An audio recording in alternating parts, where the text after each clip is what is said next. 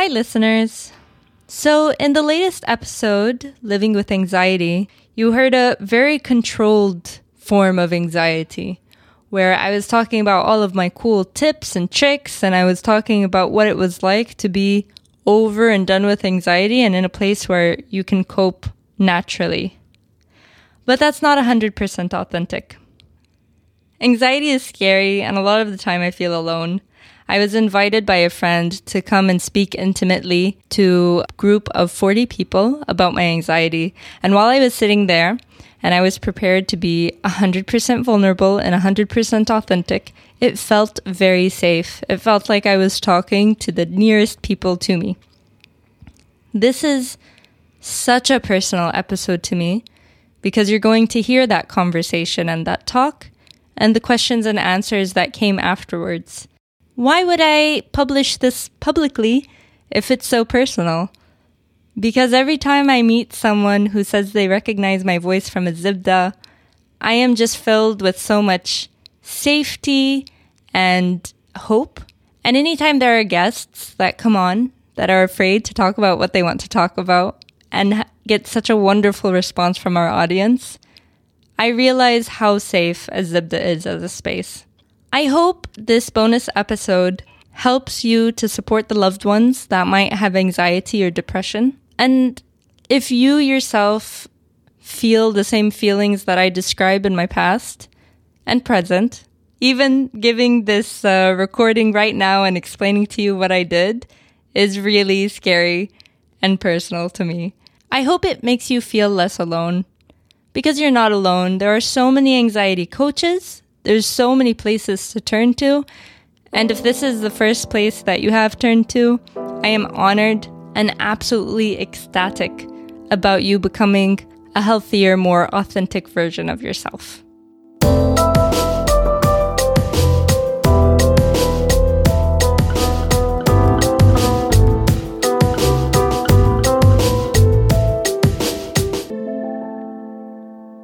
Um, I'm I'm gonna be facing a lot of feelings, and I don't know how I'm gonna feel. So there are a couple of things that are gonna happen. Uh, when a question comes to mind, please take note of it, and I will need you to ask during the time. So what we're gonna do, if you think about it like a GPS, you know how sometimes when you're following the GPS route, it can go like really in. So that's what's gonna happen when I'm talking about my feelings. But sometimes I'm gonna need a bird's eye view so that I can be like, okay, it's a safe space. I'm not scared right now. And that's where I will defer it to you and you'll ask me questions and then I won't be as panicked as I would be otherwise. The last thing is I'm not an anxiety coach, but uh, but do feel free to get in touch because I do know of anxiety coaches and I do know of places that you could go to get help. With that said, Please, please, please have questions ready when I need you. because I don't know what I'm going to do with like an awkward silence. I might start crying. Hopefully not. But maybe that'd make it like a cool viral thing that people will talk about for ages. okay. So, to move forward with the talk, let's talk about mental wellness. You know, when when um, we talk about mental illness or uh, mental handicaps, it's very easy to kind of play the victim of this is something that has happened to me and um, nobody understands it. But then when you find someone else that has a similar thing, for instance, be it depression or anxiety or maybe rage, you know, that's also something that nobody talks about. Anytime you feel a feeling that's deemed irrational or, or strange for society, it's very easy for people to say, oh, you're just broken it's not easy for them to say that something's stopping you from being as well as you could be. So around you'll see these signs that I have put up in different fonts. These are from different phases of my life. Uh, some are playing the victim card where I was expecting other people to take care of me and to comfort me. Some are where I was kind of getting better and it was a phase where I realized maybe maybe I can salvage this. Maybe I don't have to be living in fear all the time. It's hard for me to look at this. I'm sorry. um, the one that doesn't look like handwriting are very important words that I learned in my life. And when I learned them, like depersonalization and panic attack, it gave me a lot of power in my life. And then the happiest handwriting is the one that I feel now, the one where I feel like finally I can give maybe not advice, but I, I've been there, I've done that, and I'm better, and I'm happy to be that support system for other people. So it's just there for you to explore maybe afterwards. Maybe you feel like you if something resonates with you. That would be amazing. Let's level the playing field and think about how the average person thinks about anxiety. A quick question. Who here knows of someone that has anxiety or panic attacks? Great uh, and I mean not you, like like you know someone else that's close to you. Okay, uh, who here suffers from anxiety themselves? Okay, and who here doesn't know much about it but is willing to learn? Yeah, great. So we have the whole spectrum, and I'm so glad that uh, that that's the case. A very easy way to explain anxiety is if you've ever been in, in this position where you have all of your social media open, or maybe you have your email open, and uh, you have five minutes until you're supposed to give a presentation, but for some reason, you see, you think it's a good idea to open up WhatsApp and answer all the questions that are aimed towards you on all of your WhatsApp groups for some reason. Like it's a compulsion where, oh, okay, I have to answer this person and I have to send this person that person's number and it's a kind of panic that you go into and then you kind of fall into it. I don't know if everybody can relate in some way or another. Maybe it's a, a kind of FOMO, a FOMO being a fear of missing out when um, you see a cool hashtag trending on Twitter and all of a sudden there's an urgency on paper it doesn't make sense. Why do you feel like this is urgent to take a picture or to inform someone that you know a little bit more about something than they do? Why is it uh, giving you a sense of panic that you don't know what everybody is talking about and you're the only one who's uh, outside of the loop? So you quickly message your friend and say, why is everybody talking about this?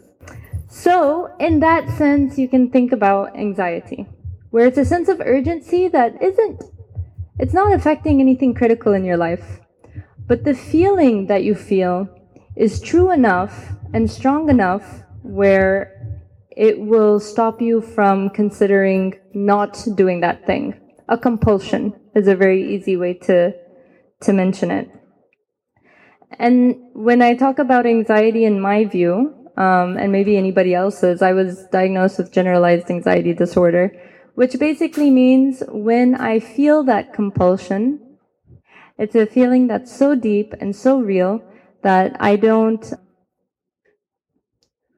it's hard for me to understand that it's a feeling and not a reality. It feels like it was ordained from the outside. It feels physical. It feels urgent and important. And it doesn't feel like I can ignore it. Which brings me to the question that has popped up in my life a lot of the time. When this feeling comes up, like for instance, right now, I purposely didn't choose every single sentence that I was about to say today so I could feel these feelings and I can tell you about them. So, right now, over here, my heart's beating pretty fast. Um, my throat's dry and uh, it feels a little tight. From my past, um, before I knew about panic attacks and anxiety, I, before any presentation, I would get overwhelmed with this feeling that it, my throat was dry, that I would drink a lot of water, and then my throat would close so that I would cough a lot and, and I wouldn't be able to give my presentation, which got me to panic because I can't give the presentation that I'm supposed to give. So it would create this cycle. Uh, what else am I feeling? My, my jaw is, uh, tense. My my back is tense, but that might be because I'm sitting like this. I'm not sure. Um, so I would feel symptoms like this and similar, and outside, fortunately or unfortunately, everything would be good. I'd be succeeding at the goals that I have. I'd be in a safe home environment. I'd be eating healthy food. But still, I would feel these feelings, which brought me back to that question Am I broken? Um, when a person does think that they are broken, they live up to it, or I guess in this case, they live down to it. Where if I remember a lot of times in my life where it didn't make sense that I wasn't getting the grades that I was supposed to get.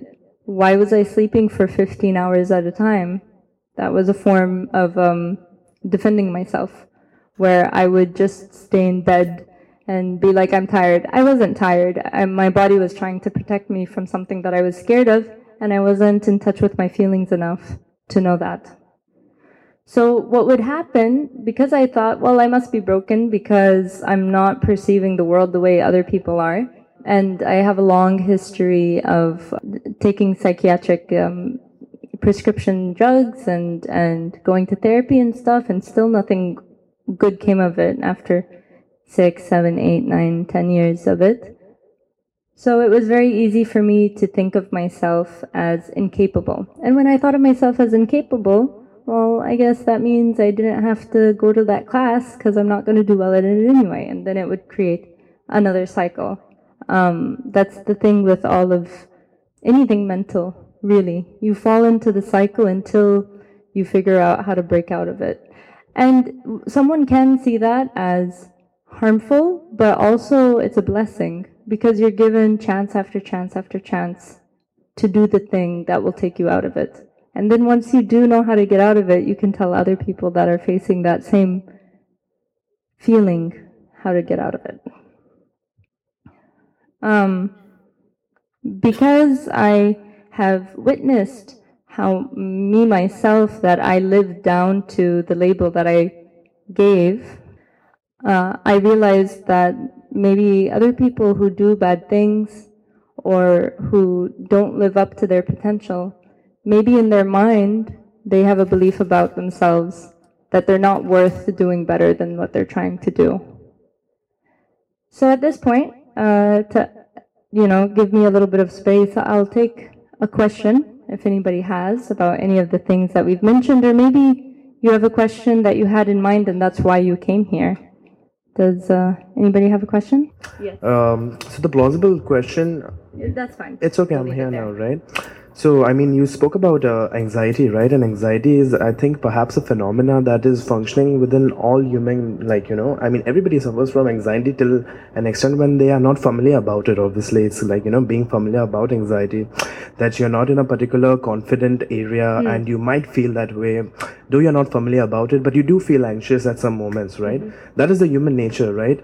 Uh, could you like you know like uh, expand your talk on how to like you know uh, like personalize your confidence level so that you not you know you're not gonna feel i mean even if you are confident you might just have that you know i mean just the way you were talking about your presentation like you want to give out your presentation and uh, you still have this little anxiousness inside because that is human nature yeah the doubt right the doubt the right yeah i mean so this is something that is inevitable till an extent but you do can control the amplitude of, of it mm-hmm. like you know this is something that is inevitable right mm-hmm. obviously you can do control the amplitude of it so i would just be happy if you expand your talk on that and how to like you know uh, i mean like personalize your confidence level and stuff perfect thank you Thank you for asking. So I think it's a good, uh, that's a great question to also add the detail of what is anxiety?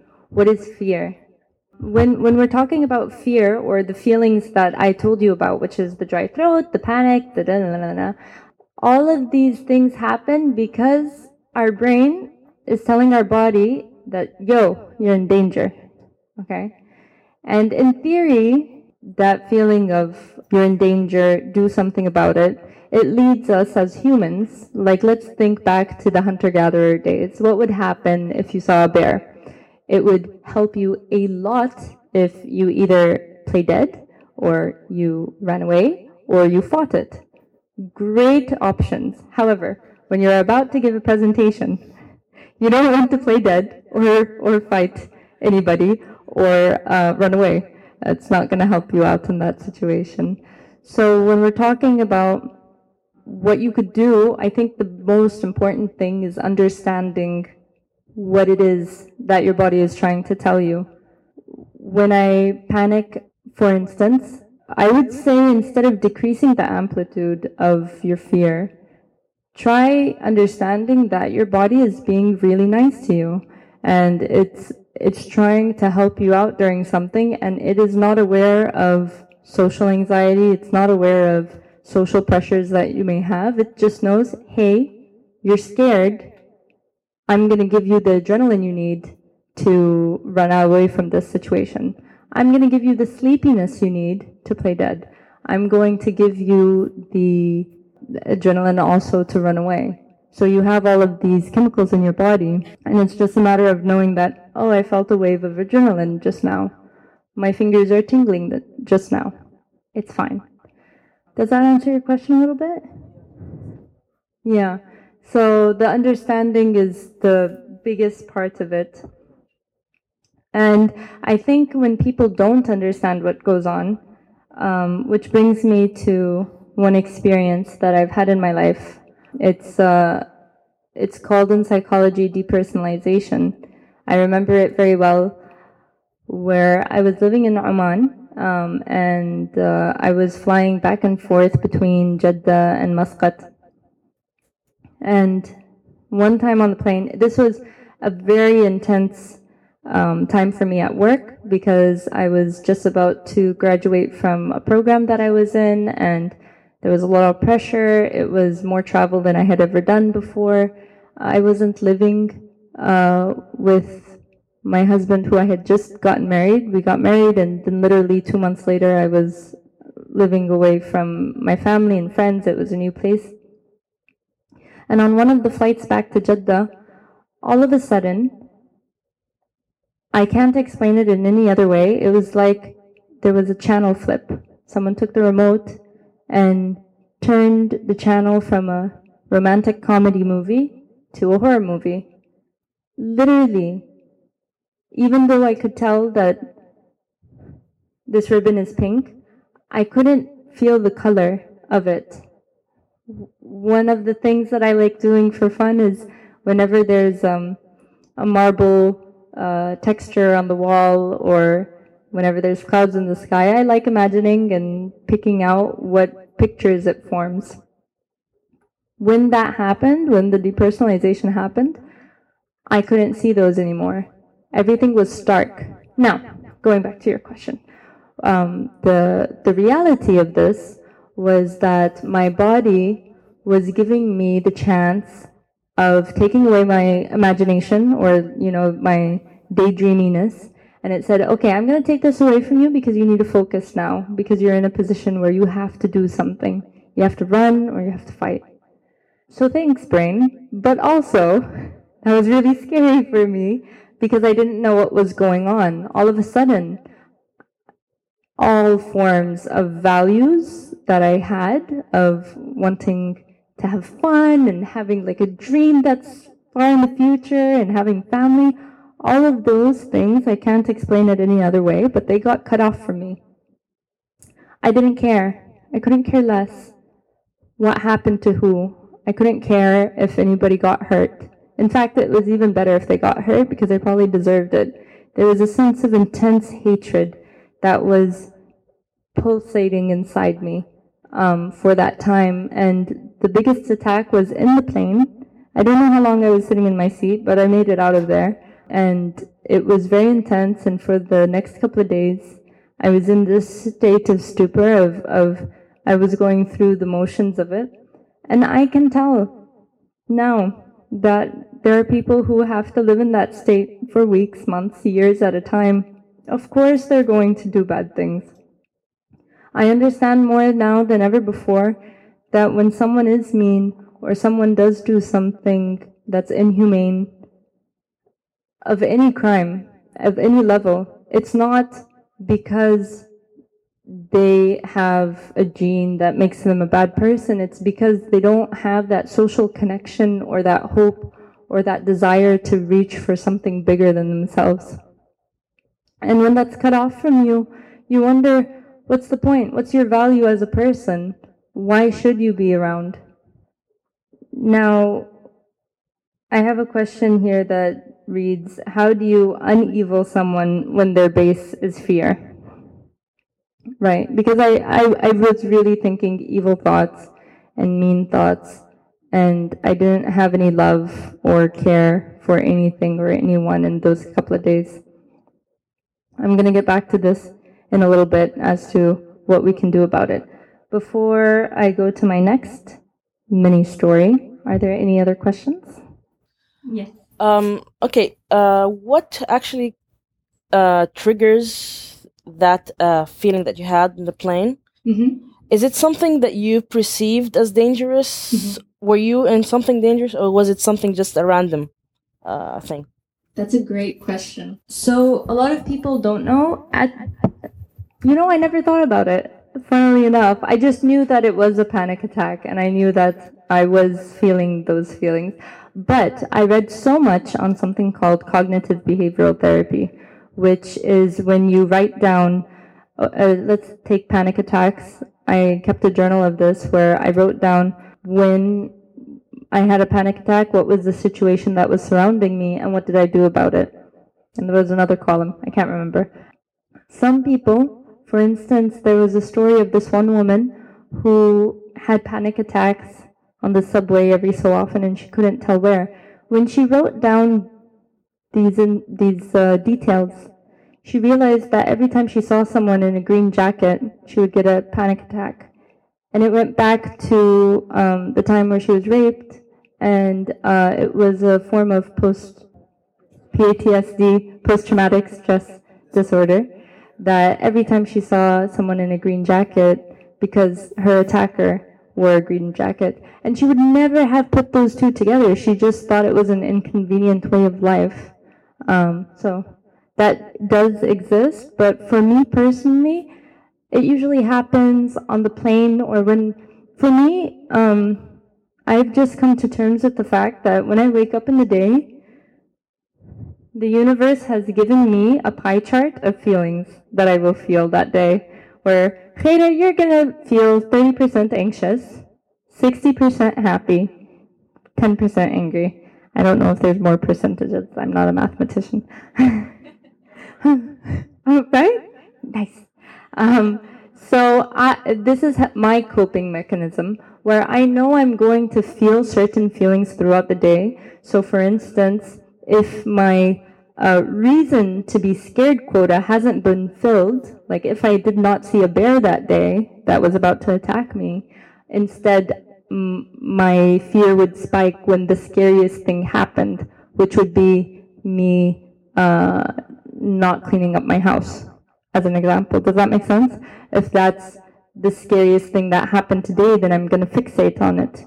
And then when I fixate on it, I'm going to panic in a small way. But then when I panic, I'm like, why am I panicking about something so stupid? And then it does that cycle again.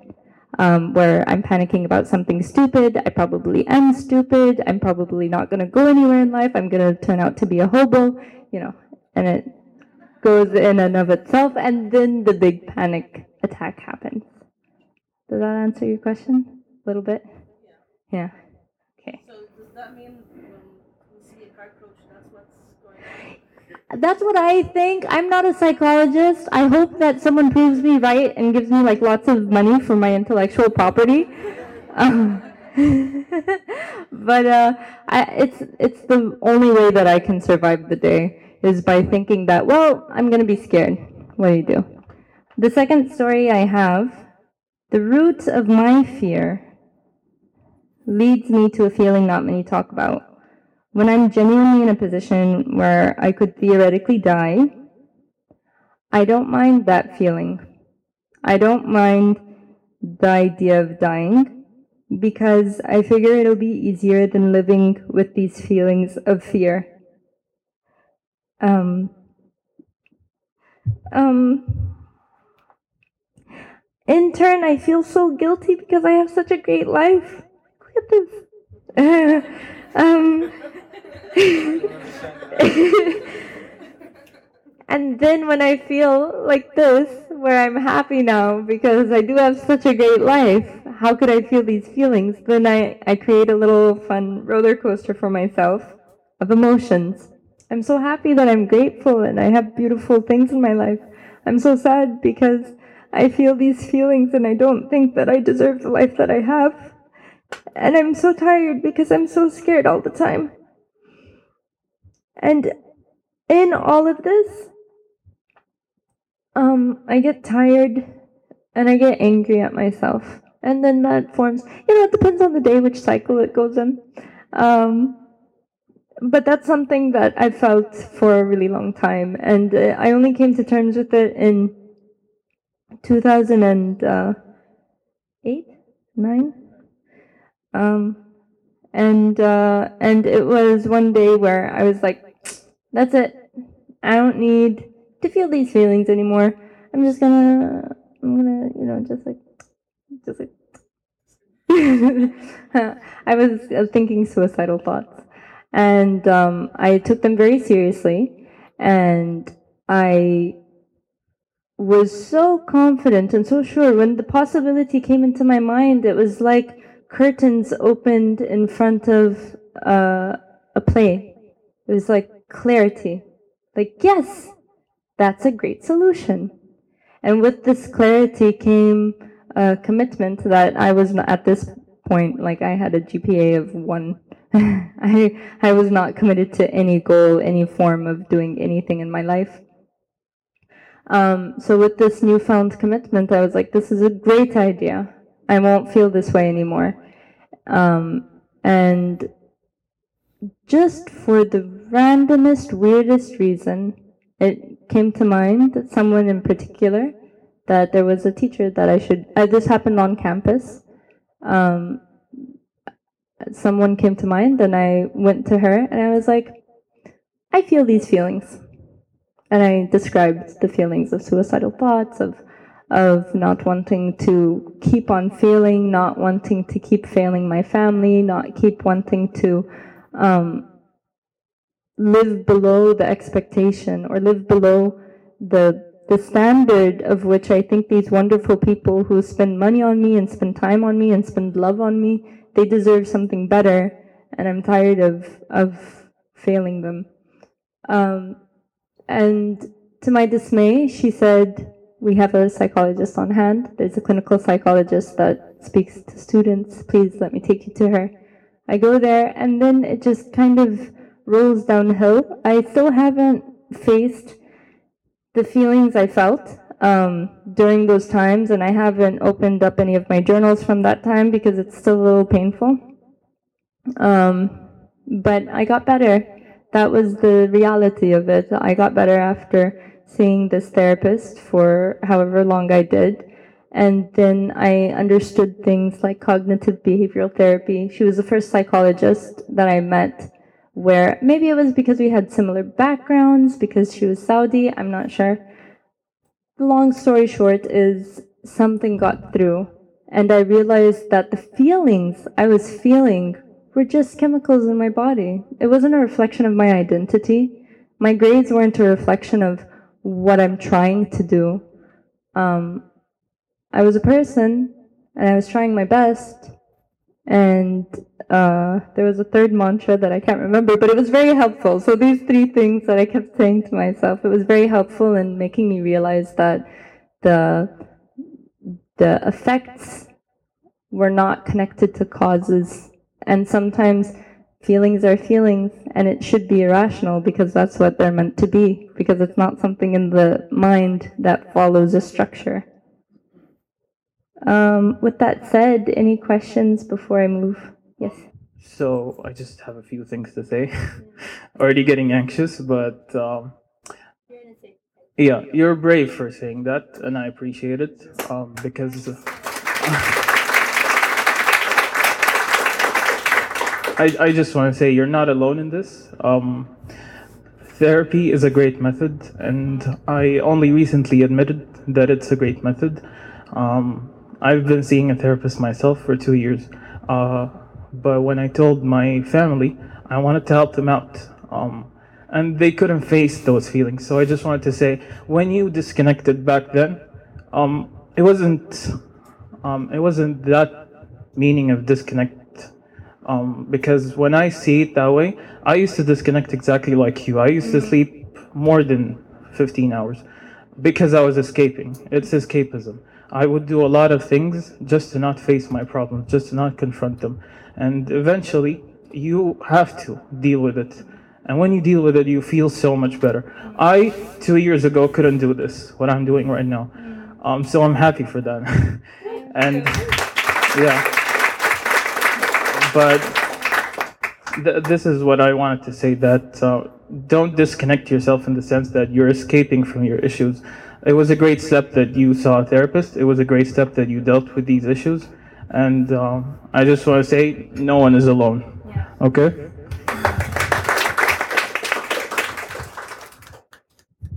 Agreed 110%. Uh, and on that note as well, I, I studied computer science.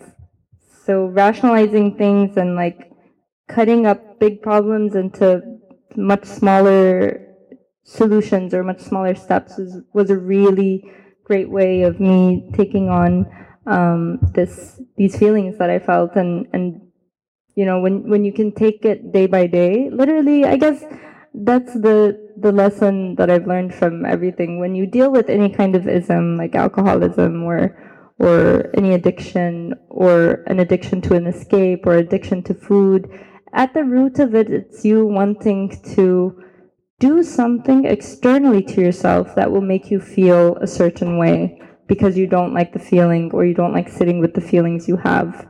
And there's so many, so many ways to um, solve that. Exactly. Thank you for sharing. Which brings me to another point of helping, um, which is what helped me, but from others. So all the things that I mentioned now was about how uh, I helped myself but um, the the first per- I think it was the reason why I say that Hakim was the first person to help me through panic attacks was first of all like we just had a lot of time together. so inevitably it would have happened that way. And also I think I was open to knowing that there was someone that was willing to help me. You know, it's so easy, especially when I was a teenager, for my parents to be like, we're there for you. And then at the end of the day, I don't know what to tell you to help me. You know, I don't know what it is that I want you to do in the first place. Um, so these are some notes I've taken. Feel free to interrupt if you noticed anything else. Uh, step number one when helping someone with anxiety or feelings of intense fear validate their feelings. This does not mean validating their actions. This means validate their core feeling. If they are feeling scared, for instance, I have a debilitating fear of spiders. If I were to scream at the sight of a spider, the worst thing that anybody could do is say, Spider, come on, stop being, stop being a baby. No, not because that's a wrong thing to do. Like I, I'm tired of thinking of good and bad. I'm tired of making those judgment calls. But I do know that when my feeling is validated and someone looks at me and it's like, I know you're scared. We'll get through this. That gives me a lot of room to a stop panicking. Because if someone invalidates my feelings of panic, then I would panic more. Because does that mean I'm crazy? Why are you saying that my emotions aren't valid? Why am I feeling them if I'm not supposed to be feeling them? So definitely validating feelings. Even if the reason is weird, the emotion came up. We can all agree about this. Regardless of what it is, if it's clowns or spiders or presentations or getting good grades, or I'm noticing very recently, for me, when I succeed at something, I get very scared and very angry and very sad. The recognition that it came up and it's not in my head is so important to me. Just for someone to be like, Khaira, I trust you enough to tell me the truth. And if you said that you felt this way, that's enough for me. And this doesn't have to be like a full monologue where you stand up to the person or like, I feel how you are feeling and I understand that you. No, it's just like, okay, I understand. That's it it, it can even be um, 30 seconds. Uh, do not attack their identity or ego. Um, when I say identity, ego, I don't know these terms. I studied computer science. you know, I, I'm only guessing here. But when it comes to attacking an identity, if you tell someone you're being stupid or you always do this, that's an attack on them as a being, as an existing human being. And what you're saying to them is when you were created, something went wrong and you are invalid. Why? That's not helpful. And it's not helpful because it's mean, which it is. Please don't do that. And you probably didn't notice it was mean, which is also very understandable. But it's because when you, again, validate the person, I understand your values, I want you to achieve the things that you want to achieve, then they have room to be like, okay, you're on my side. I'm not fighting you and my intense anxiety. Another side of that is when you give someone, let's say they are a bad person. When you give them the option to be a good person, like if someone was to,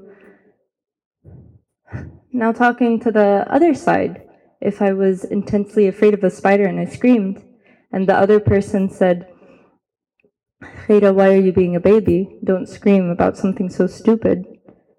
When I tell them that I know you're on my side, and I know that you only want me to achieve the things that I want to achieve, I appreciate it. I really need you to just do this one thing. What I did there was I validated them and I told them that they were a good person and they were on my side. And again, when they when people are greeted with an identity, they will want to live up to it. I've never before been in a position where I laid out an intention for someone that did something mean to me, and I said, I understand your values are good. They never said, no, no, no, my values are bad. I'm actually trying to be mean to you. I'm sorry this wasn't clear. um, so echo to them their good intention, whether it's really their intention or not, because usually people get shy and embarrassed and they don't want to admit that they're horrible as people. Uh, number four, which is one of the biggest things, be your own hero before you try to be an anxious person's hero. When you exercise feelings of facing your own fears, be it the fear of, um, you know, doing something correct, or maybe even fears like talking about your feelings or or you know finally getting around to learning how to cook or something you know silly. Once you get into that mindset where you're constantly doing that your example speaks much stronger than the words that you tell someone to stop being afraid or whatever. Before i go to my last note does anybody have any questions? And i'll open the questions like really wide in this uh, arena so like a lot of it is you talking about your personal experiences with it and there's a part of it like with people that have to deal with say friends or close friends or family members that deal with it.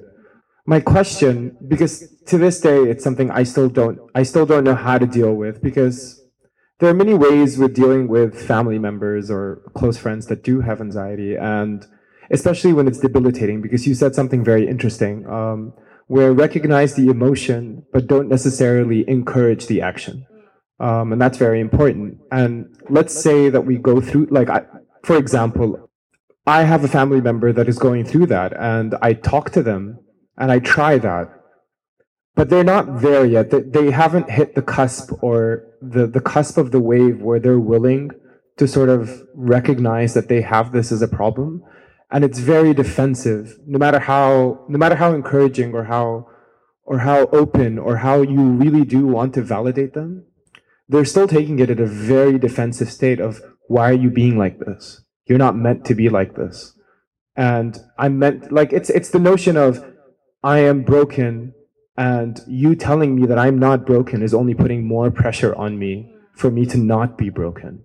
And that can turn into a cycle in itself so like my question, and this is for anybody, because like it's not just Khaira. We all suffer from this, from a form of this, an aspect of this, or whether it's us dealing with it internally or externally or family members or friends or whatever. And we do want to be there for that person. Um, for me specifically, it, it's gotten to a point where I don't know what to do. Um, when I try that route, it doesn't work. When I try, again, it's not really the best of terms to use, but the term's tough love, where when you recognize that that avalanche, because a lot of a lot of a lot of anxiety is basically just avalanche. It starts very small, and within a very short amount of time, it avalanches into something ridiculously enormous. So what I would try to do is break that cycle or break that avalanche because you'd see it. And like as a person who does care for that person, you wanna you wanna stop it disregarding any. It, doesn't matter. It, it, I'm not saying like physically shake them or like slap them on the face because that's violent. But like what I'm saying is like an emotional sort of wake up. Um, but even then, sometimes it doesn't work. Like, what what what what do you do? Super quick note when it comes to wanting someone, I don't know if this is what you were going to say too. So, in my experience, because that's all I can answer from, um, is I was in this cycle of feeling down and my parents putting me through um, any form of help that they could find until I got to the point where coincidentally I started living with my grandmother. And my grandmother is the coolest person in the world, number one. And she also did something very different. Maybe it was because of her age, or maybe it was because of her seeing it in other people, but she gave me space for the first time. And she said, Yep, is that what you want to do? Okay. So for the first time, I was standing on my own and thinking, and I had enough space to think about do I want to be the person I am today? Azibda. Is that um, no matter how much you want to push someone and make them the person that you know they can be and and help them to become a stronger like to reach their potential because you can see the beauty in their eyes. You can see the the intelligence and and their their ideas and how awesome they could be. Wanting it isn't enough they got to be ready. And how to make them ready is a whole different discussion that i'm not capable of saying across the board, but what coincidentally made me ready for it was having that space that my grandmother gave me. Okay, so as someone who has been exposed to family members with anxiety, even as a personal trainer, when I deal with clients that do get those anxiety or those feelings of, oh, I'm going to fail at this or I'm not going to, this is not going to happen for me, an aspect of it is, as Khaira mentioned before, cognitive behavioral therapy. So at first, I would do what you used to do, even with Khaira, where I would match her intensity. When she would feel those intense feelings, I would be just as intense. And that would come off in the form of tough love, but that inadvertently used to fuel the fire. So what I would do is, when things like this would happen, I would normalize it. Imagine, imagine that you are a seasoned sea captain and someone from another ship is calling you and there's like there's a storm coming and I don't know what to do. You don't know as the guy on the other end if the storm is real or not, but it's real to the person on the other end. And if you match their intensity and you panic, then they will panic. And no matter what you tell them to do, even if it's right, if you feel as intensely as they do and you radiate those feelings of intensity, then that will allow them to panic. But you can't be completely passive either. If you are on a ship that is in the middle of the storm, you're not going to drop an anchor and expect everything to work. What you have to do is acknowledge that these people are going through a chemical and psychological process. And they have to weather that storm. They cannot not feel those things. They cannot cancel out those chemical feelings. So what you do is you just talk them through it. You acknowledge that yes, they are feeling those feelings and you guide them through it. You will meet a lot of resistance at first, but it's something along the lines of getting exposed to a stimulus long enough until you're eventually numb to it. And not in a way that is a negative numbness. It's a way that, yes, I know that a storm is coming. I know that I should head my bearing this way. I know that if I stay this course, then I will be all right. That doesn't mean the storm is going to be comfortable, but it just means that you know how to get through that storm. So until I started applying that normalization method where, yes, I acknowledge that you are going through the storm, I don't have to see it. I don't have to see it. I don't even have to believe that they are seeing it. But if I'm, if I give them that, then I will find that eventually the anxiety attacks will decrease. And even if it does happen, then they don't need to call you anymore. They will know that, okay, I'm feeling this now and I know how to get through it. So that is, that was my ultimate method of how to deal with it. It's just normalization and acknowledgement that it's happening. And uh, a note on that when Hakim first started doing that with me, I was very offended by him because when he said, Yes, I understand, I would go into defensive mode. My ego is much bigger than Hakim's, believe it or not. Um, I would go in defensive mode and I'd say, Are you making fun of me? Why are you just shrugging it off? I wouldn't ever trust him. And this is really important. I think even after nine years, all that time, most of the time, it was we we would find a new way of communicating. But the core thing was how to reassure each other that there was trust. Trust on my side to believe that he was on my side and trust from his side that I wouldn't take advantage of him and pretend that I was scared when I wasn't, as an example. Does anybody have any other uh, advice for someone who's going through anxiety? Like you, the first time I actually had an anxiety attack, I mean, I'm sweating right now and my hands are shaking. So, um, it was on a plane and it was a nine hour flight and it was just taking, taking off and I remember I felt I've I've never been afraid of flying, but I just had this fear at that moment that oh my god, how am I going to be in the air for 9 9 hours?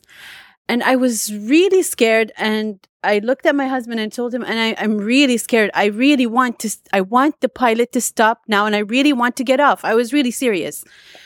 And the first thing he said, "What what's wrong with you?" And I could see in his eyes he was about to say, "Are you crazy?" And then he looked into my eyes and he knew I wasn't. I was I was not exaggerating. And I don't know, I'm so lucky that he did this. He just held my hand and he told me, I know, I don't know, subhanAllah, how, how he knew how to, what to say, but he just said the right things and he did validate my feelings. He told me, I know you're afraid. I know you're scared. I don't know what to do, but I'll just hold your hand. That's he. That's all he said. So I think what Hakim was saying was true. That if you do validate the other person's feeling, who is feeling because they are feeling anxious, they are afraid, and if you just don't shrug it off and say no, there's no reason for you to be afraid. Uh, I mean, the pilot's capable. Everything is done. You know, there's fuel and whatever. I don't know what the reasons are. There, I just I was scared. So just him validating my reason because when I first, when he was starting to say, Are you crazy? And are you serious? I started getting very angry and very defensive. So I was lucky enough that he actually, you know, switched alatul and said, you know what, it's okay. I'm with you. I'm gonna be with you for the whole flight. I'm gonna. I'm not even gonna go to the bathroom. I'm just gonna stay here and hold your hand the whole flight. And he actually did.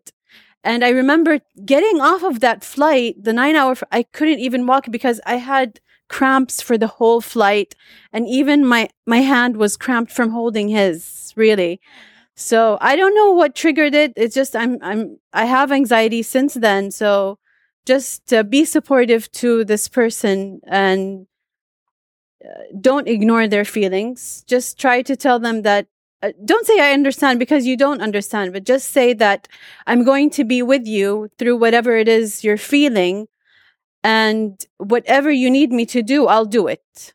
So i think that's all you can do actually when you're when you're on the other side because you don't know what's possibly going in their minds. So that was that's just my piece of advice what worked for me at that moment.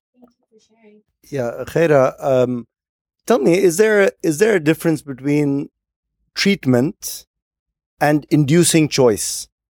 You know there's treatment of an anxiety and then there's an inducing the choice to be treated or to get out of it and to shrug it off. Is there is there a difference between that? Or like for example in this in a case uh, that was just mentioned uh, it was about calming a person down. Okay. But in a, in a much more severe case where you're, where you find that life has got no meaning, for example, then you've got to go far beyond that.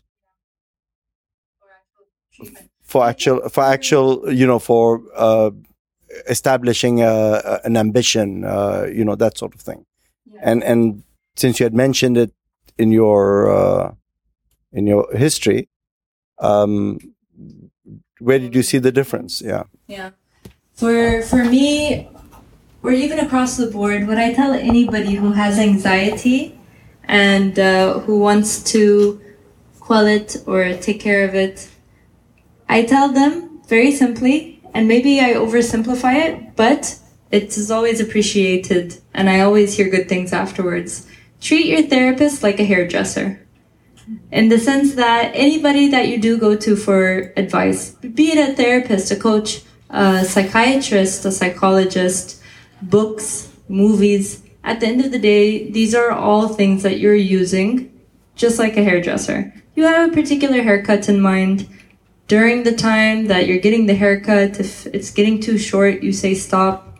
A lot of people just fall into, and this is something that I did for a long time before I found my first awesome therapist in Oman, um, aside from the awesome one in Ifat. Uh, I, I would just be like, well, they're the professional. They must know what to do. And I would just follow their track. But when I started that real honest dialogue with whoever I was dealing with. And I'm sure all of the therapists that I saw in my past as well, it would have changed my relationship with them. I remember times where when they would tell me something, I'd be like, yeah, that's a great idea. I thought it was a terrible idea. And then I didn't do it when I got home. So of course it wasn't going to work.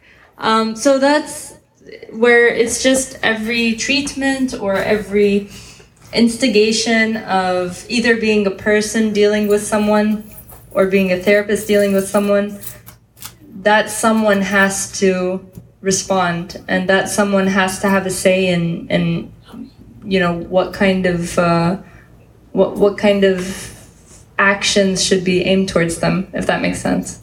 I don't know if that answered your question well my story is kind of really different so uh, i do love numbers so much and the worst thing about my job is traveling so there is one time i was like like for example, like um, in my life, I was traveling with my sister, and she's my sister. She's a pharmacist, and every time I uh, riding the plane, I hate it so much because I do love numbers, so I I take it as a statistic how many plane crash that happened.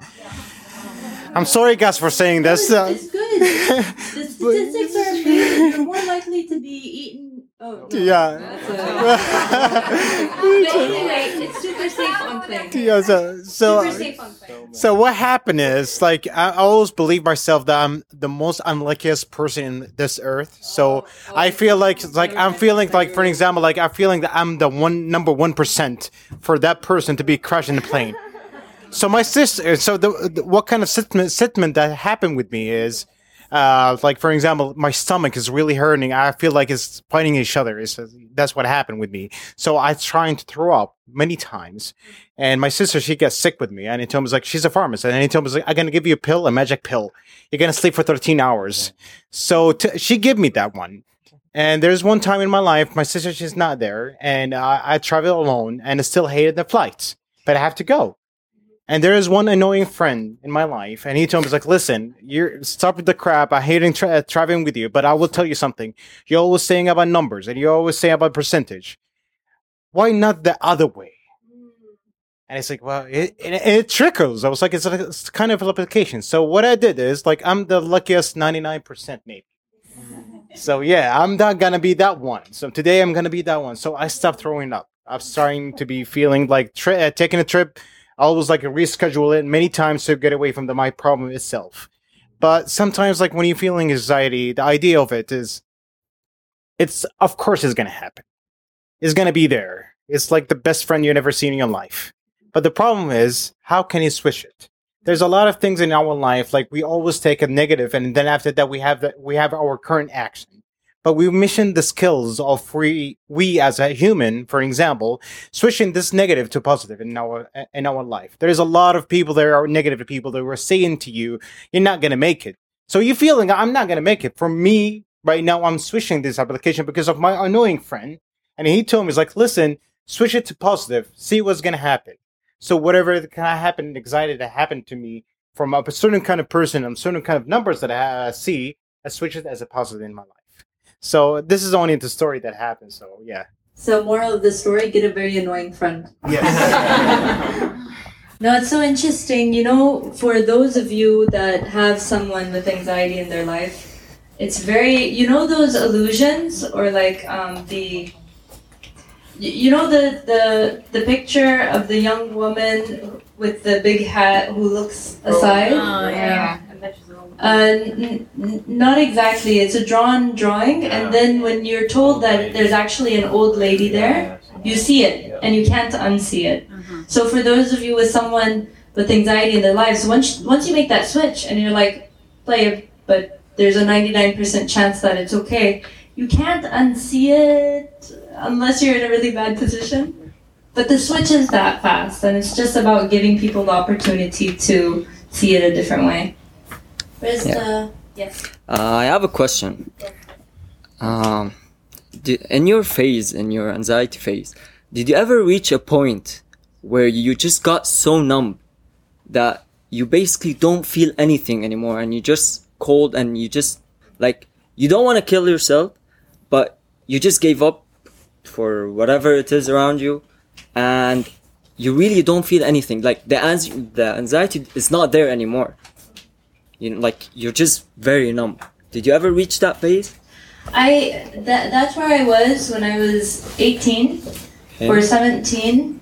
Um, I was drawing really nicely at that point. When I did feel numb, like that was the best art that I ever created for sure.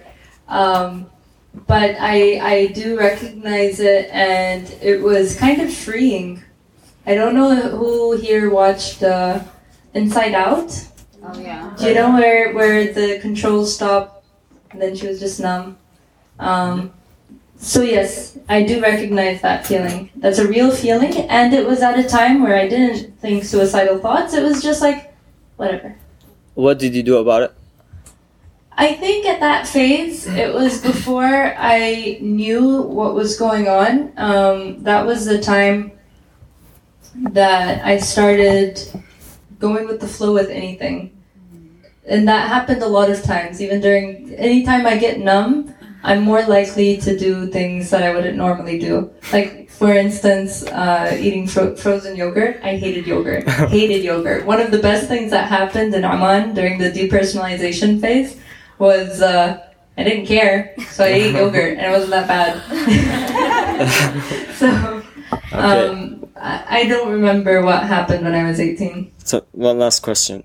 Do you think it's like reaching that phase is a good thing or a bad thing? I think it's a thing. And that's the only way that I survive on a daily basis is by anytime I feel anything. It's not good or bad, it's just something that's happening and it can be impactful, effective, or ineffective. I mean, how is this different from depression? Because I did go, go through that phase where I didn't care about anything or anyone, not even my kids. And I remember like my husband kneeling in front of me near my side of the bed, just asking me, what can I do? What did I do, do wrong? I say, it's not you. It's just me. I, I don't know what's going on. And I slept for like days and days and days. And I don't know. It, it went on for a few months. Mm. So is this like a prelude to anxiety or is this depression? What was it? I, I, I, until now, I don't know what that was.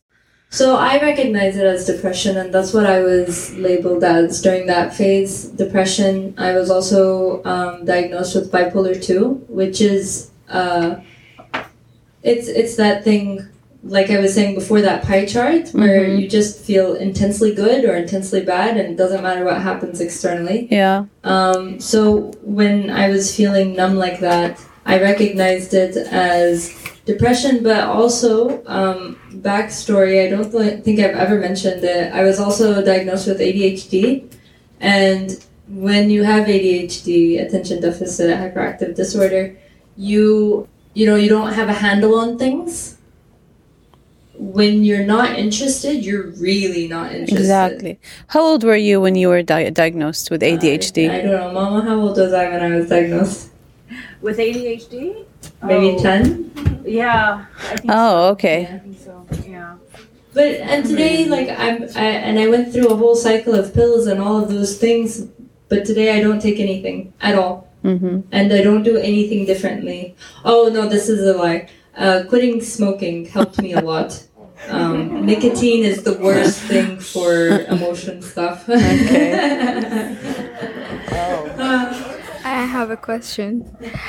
Uh, what do you do uh, when you start like um, being able to control your anxiety or whatever you're having, and then at some point you just start sending messages to the closest people to you that you might have this attack, but you actually know you're not having it. You know, like what do you do?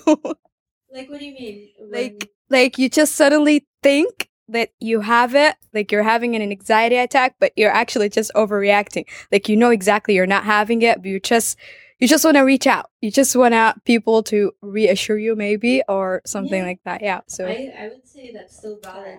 You know, sometimes we don't have the word to use for what we need, especially for me. I never knew how to reach out for help, and I know for a hundred million thousand percent sure that a lot of people around me wanted me to ask them for help. If there's a limitation where, listen, I'm reaching out to you, I don't know why, I don't know what I want from you, I have no clue, but I am if if the only way that you can do that is by saying I'm having a panic attack, then that's fine. The first couple of times, and then I hope that you would be able to create that sense of dialogue where you could just tell them, I don't know why I'm reaching out to you. I just need love. Can I have a hug? and that should be okay too. thank you Ooh, a lot. Let's go there just because logistically it's easier. Hi, I was just wondering. I'm from the UK, where mental illness is taken very seriously. Um, they're seen as disabilities. You can have a lot of time at work off, and I was interested. Did you have these experiences and these diagnoses here in Saudi Arabia or elsewhere? I was in the States. Uh, Yeah. During all of those, um, the first time that I was diagnosed with anything, by coincidence, my brother was diagnosed with autism. So we were in the States, and I think, it, if I'm not mistaken, please correct me. It was the first time my family were was exposed to mental wellness, um, mental illnesses, anything to do with that industry of psychiatrists and psychologists. So that made it easier. Um, and then when I was in Dubai, like in Dubai, you can either be in the Middle East or the West, depending on where you go. so that was easier. And then when I came here, there's a really great, great, great center called Ma'bar Social Consultancy. Highly advised. Uh, I'm very impressed with their work. And honestly, like I said, hairdressers. So all of the therapists are probably really amazing for specific people. Yeah, because I work in a medical school, but I'm not in medicine myself. I teach English. Mm-hmm. But most of my students who are training to be physicians or pharmacists, they're not actually aware of a mm-hmm. lot of the disorders that you're talking about. And they actually learn it from me, which is, i.e., learning English, not learning medicine. So I just wanted to comment on that, like i- as a cultural kind of dichotomy, I guess. Awareness is so well, and we Mm. have a uh, family medicine professional here that's going to add to that about what happens in Saudi Arabia or Jeddah at least. Uh, a lot of um, a lot of the students in uh, in our medical schools don't really know so many of these things because they're not being advertised. There is no awareness. But as uh, a part of where the Ministry of Health is heading right now, uh, there are these things that they've been trying to integrate in primary healthcare, such as mental health. They are giving certain primary healthcare centers more privileges. They're giving them uh, psychiatrists certain days of the week, and they're trying to provide um, basic medication for depression, such as SSRIs. For um, that's not Prozac though. Basically, citalopram and escitalopram, and that is all you're getting. You are not getting anything else. Just getting citalopram.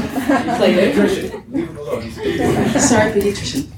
Uh, so yeah, they're trying to treat the most basic things, and they're teaching primary healthcare doctors how to um, recognize and refer more serious cases.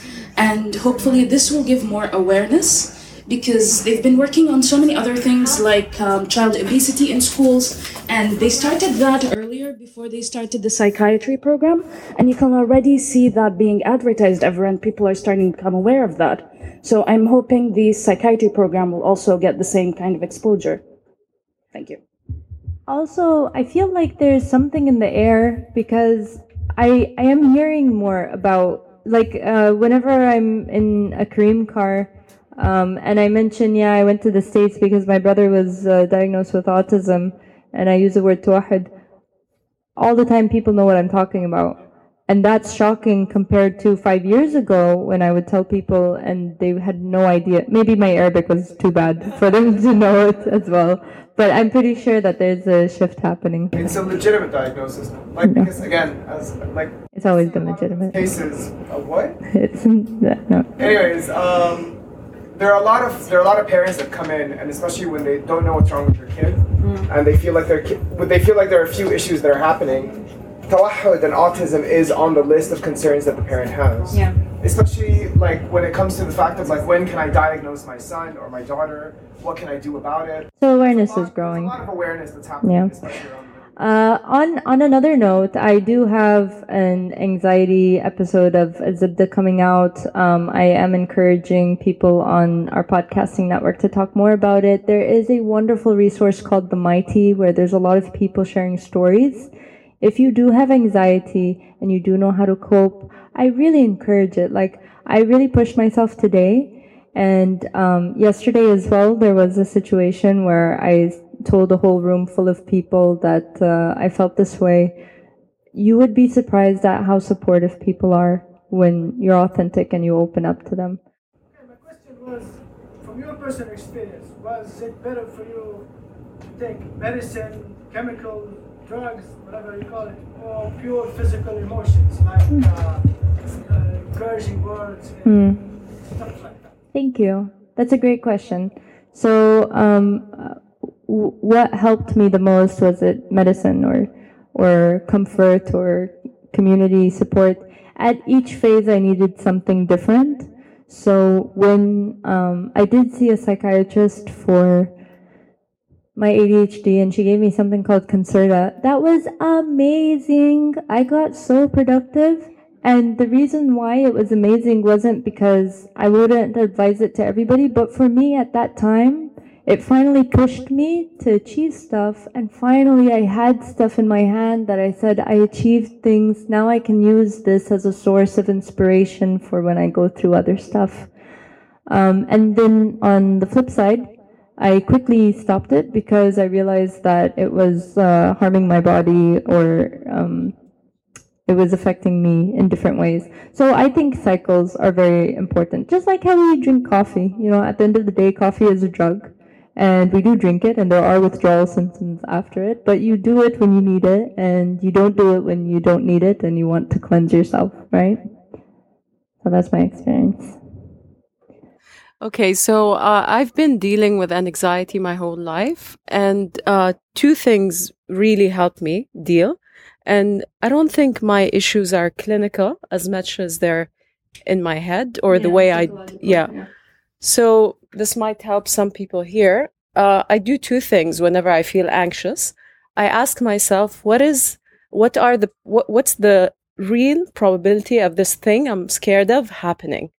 Um, I'm doing the emoji of the two hands with the sparkly things coming out. Agreed. because a lot of the a lot of most of the time I, I find that i'm getting really scared of something happening when in actuality it's probably never going to happen but i'm still getting worried. So when i talk to myself i'm like okay just be realistic. Is this really going to happen? What what are the chances? And usually the chances are low. And granted an anxiety or fear is usually uh, not uh, logical or i mean we don't always you know think about these things uh, in a logical way but uh, anyway that's what i do. The other thing i do is i think of the worst case scenario and i tell myself okay so i'm scared of this what's the worst case scenario like i'm gonna get uh like bitten by a spider or i'm gonna so okay so if that happens then what then I could go to the hospital and I'm probably not going to die. I'm going to survive it anyway. So why am I panicking? So I think just self talk and, and, you know, and just putting things in perspective because we tend to exaggerate when we're anxious. We exaggerate the danger, the, the repercussions in our heads. So once you put it back in, in, you know, where it belongs, that, that helps me. So. Agreed, and I'd add to it. So I don't know if everybody got to hear her. Yes? Okay. Uh, I would add to it, in addition to rationalizing it, I also from from the outside, I can also say there's something called awfulizing it. I don't know if this is a real term, but my psychologist, my therapist, uh, used it once, and I really like it. Where okay, yes, I will fail at this presentation. It's gonna be so bad, nobody will ever talk to me again. And everybody is going to laugh at me for my whole entire life. And when I say that that way in my head, or when I ask someone to repeat it to me in that form, then I'm like, okay, come on. Yeah, okay, yes, it's not that bad. Um, another thing I love doing is keeping a gratitude journal because I firmly believe that the th- best thing I did in my life was fixing the underlying beliefs in my life. And the underlying beliefs was that my life sucks, right? But when I started creating a gratitude journal where I have to write 10 things that I'm grateful for that happened today, then I realized that today wasn't bad because there's 10 whole things I was grateful for. And it shifts that inside voice. You're blessed that you have a dialogue with yourself of a rational voice in your head that can tell you those things. A lot of people don't. They just hear the automatic uh, criticizing voice of you'll never amount to anything. Whereas the reality is, is you can choose whatever voice you want in your head because it's your head. You know. Yeah. Thank you for sharing. You got it. Uh, well, uh, sometimes it could be a- as simple as a deficiency, vitamin D deficiency. I heard about that. Uh, and I tried it with one of my friends. She was uh, for for a while in her life. She was down and always sleeping and always sad. I got her a bottle of vitamin D as a gift, and it kind of worked. Yeah, because she she had deficiency. So, especially in KSA, there's a high level of uh, deficiency in vitamin D. Yeah, so yeah. couldn't hear her, she was saying that vitamin D deficiency could be the culprit. And there's this weird research that I read about, which is uh, that grief might be genetic. Mm. So at least uh, if you know it's genetic, you might stop blaming your life and it's uh, the awfulness of your life. It's like wearing glasses, you know? You walk around, you can't read anything. Sometimes you just need to buy a pair of glasses and then you can see the reality. And that pair of glasses could be in the form of uh, medication, it could be in the form of having a support group. I have so many support groups. Um, okay, I have a few questions. Uh, first thing, by time, these episodes of anxiety do they get less, or is it just you? You actually just you cope with them and then you're okay. Um, they do not get less. I looked at you because just yesterday I had a panic attack that was super, super bad. I think it was the worst in a while that I've had. um, and I think it might have been because of this, and also it was because I shared my story yesterday. It was with the intensity that I used to have back in 2013 when you were first getting exposed to the intensity of it. It was the first time that I was opening it up. So I think it's just uh, cyclical. Um, I don't know. It depends. Yes. Um, okay, so vitamin D, um, vitamin D is more on the spectrum of uh, depression and lethargy than it is anxiety. But so vitamin D gives you a more chronic response than an acute one. So it's it's an accumulation of symptoms over time. So not necessarily immediately, unless and unless there is a diagnosed deficiency, an overdose of vitamin D can cause those things. So before you gift vitamin D to people, make sure that they're diagnosed.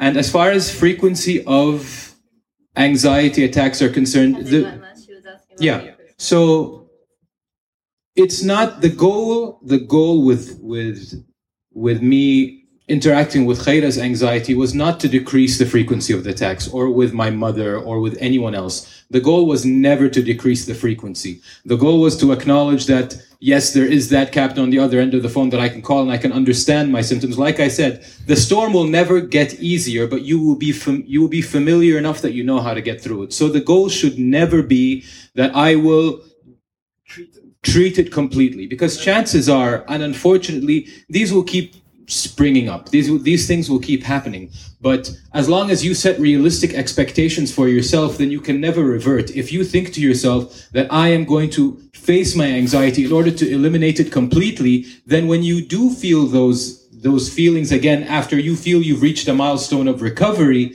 then you will revert way, way, way, way back. And you'll be like, no, then there's no hope for me. And you will go back.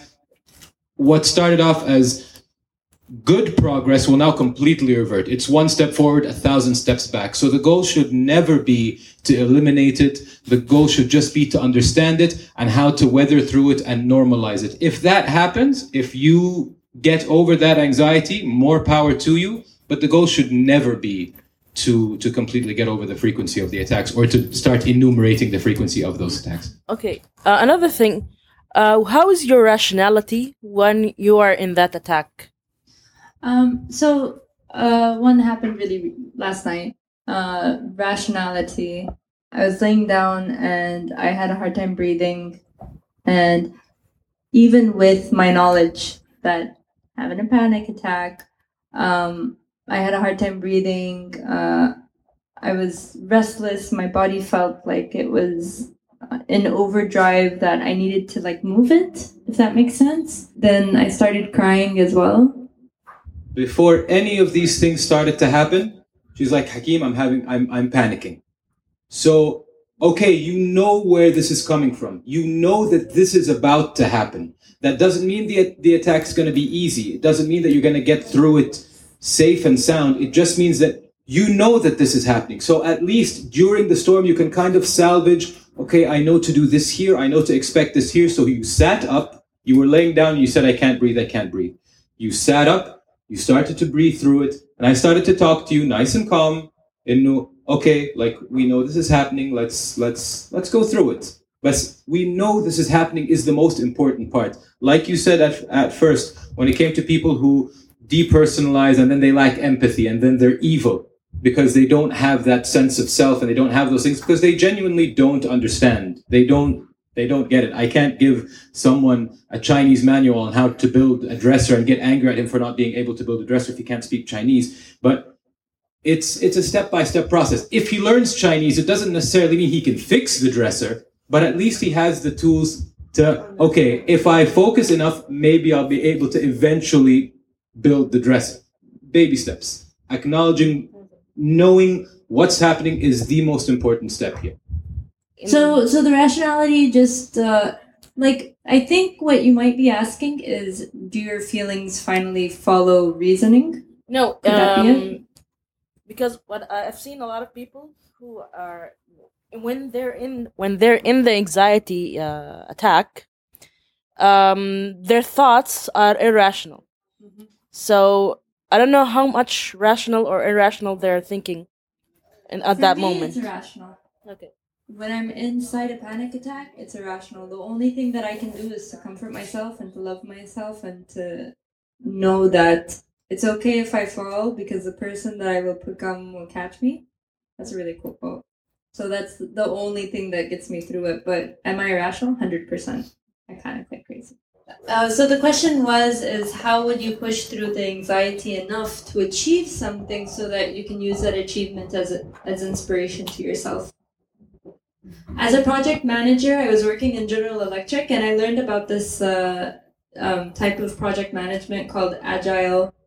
Um, and basically, what it means is it literally takes what Zuckerberg and tech companies um, did, where you know they they try something out, it didn't work, they try something out, and it, they go in a cycle of constantly adapting instead of another kind of project management, which is first you plan it, then you design it, then you implement it, then you close it, and خلاص.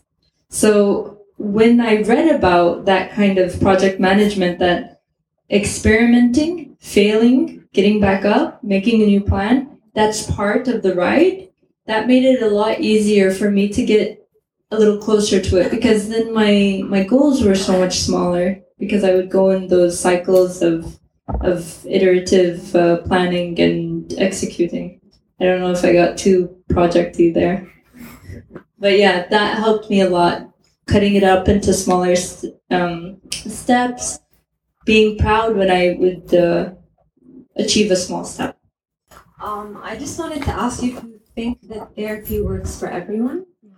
When did you realize you needed therapy? And I'm the kind of person who is scared of going to a therapist because I think I have things that are wrong with me, but I'd rather be oblivious than have someone tell me you have this, this, or that, and you have to deal with them. And I'm, I could have dealt them maybe on my own or through reading about it. Or so, what do you think?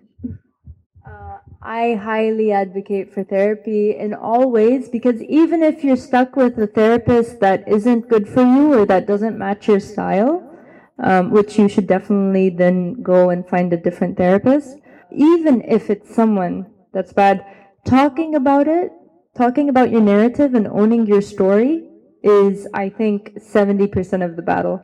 Once your story becomes your story and you don't become your story's puppet, once you take not control but once you know that this is yours you know nobody can use it against you um, the fact that the reality is you do have that condition it won't make a difference if you name it or don't name it it still has a power over you does that make sense uh, before we finish i just have one more note to say i feel that bravery has taken a new form today meaning in this era, not just tonight, but maybe tonight too. I don't know how many of the people that asked questions knew that they were going to open up like that. Did you guys know? No? That's awesome. Thank you so much for choosing to do that. In my opinion, with the digitization of the human condition, like how we are doing everything on text and and we're not as close as we used to be having the courage to face our irrational fears, the fears that we don't understand and don't have a reason, that's the bravery that's reserved for the best of us. The best of us is all of us. There is nobody that needs to lose this fight. In this regard, uh, I just want to leave you guys with two things. Number one, Laughter, while it is honestly the best medicine, when it comes to a situation like this, or if you start having dialogues with people you love to help you through anxiety, or if you start having that dialogue with someone that you love that has anxiety, please be aware that we use laughter get away from feelings. To have the bravery to face the feelings and sit with the feeling. I um, advise mindfulness, meditation, there's so many ways to sit with the feelings and sit with the discomfort. It's going to be more powerful. It's very easy to laugh something off and be like, oh, that's stupid. And then everybody laughs and go on with their life. But it just creates a bigger hole underneath them. So that's number one. Number two, there was a movie that I watched that was very helpful in talking about how hard it is to talk about your feelings. I highly advise you watch it as soon as it becomes available in Saudi Arabia. Lego Batman. it sounds funny, but honestly, like they hit such a chord and while I was watching it, I was like, what? This is everything that anybody needs to know. It could be such a cool icebreaker if you do have someone in your life and you want to start having those conversations with them. With that, I'm done. Uh, thank you so much. Um, let's have it for Khaira.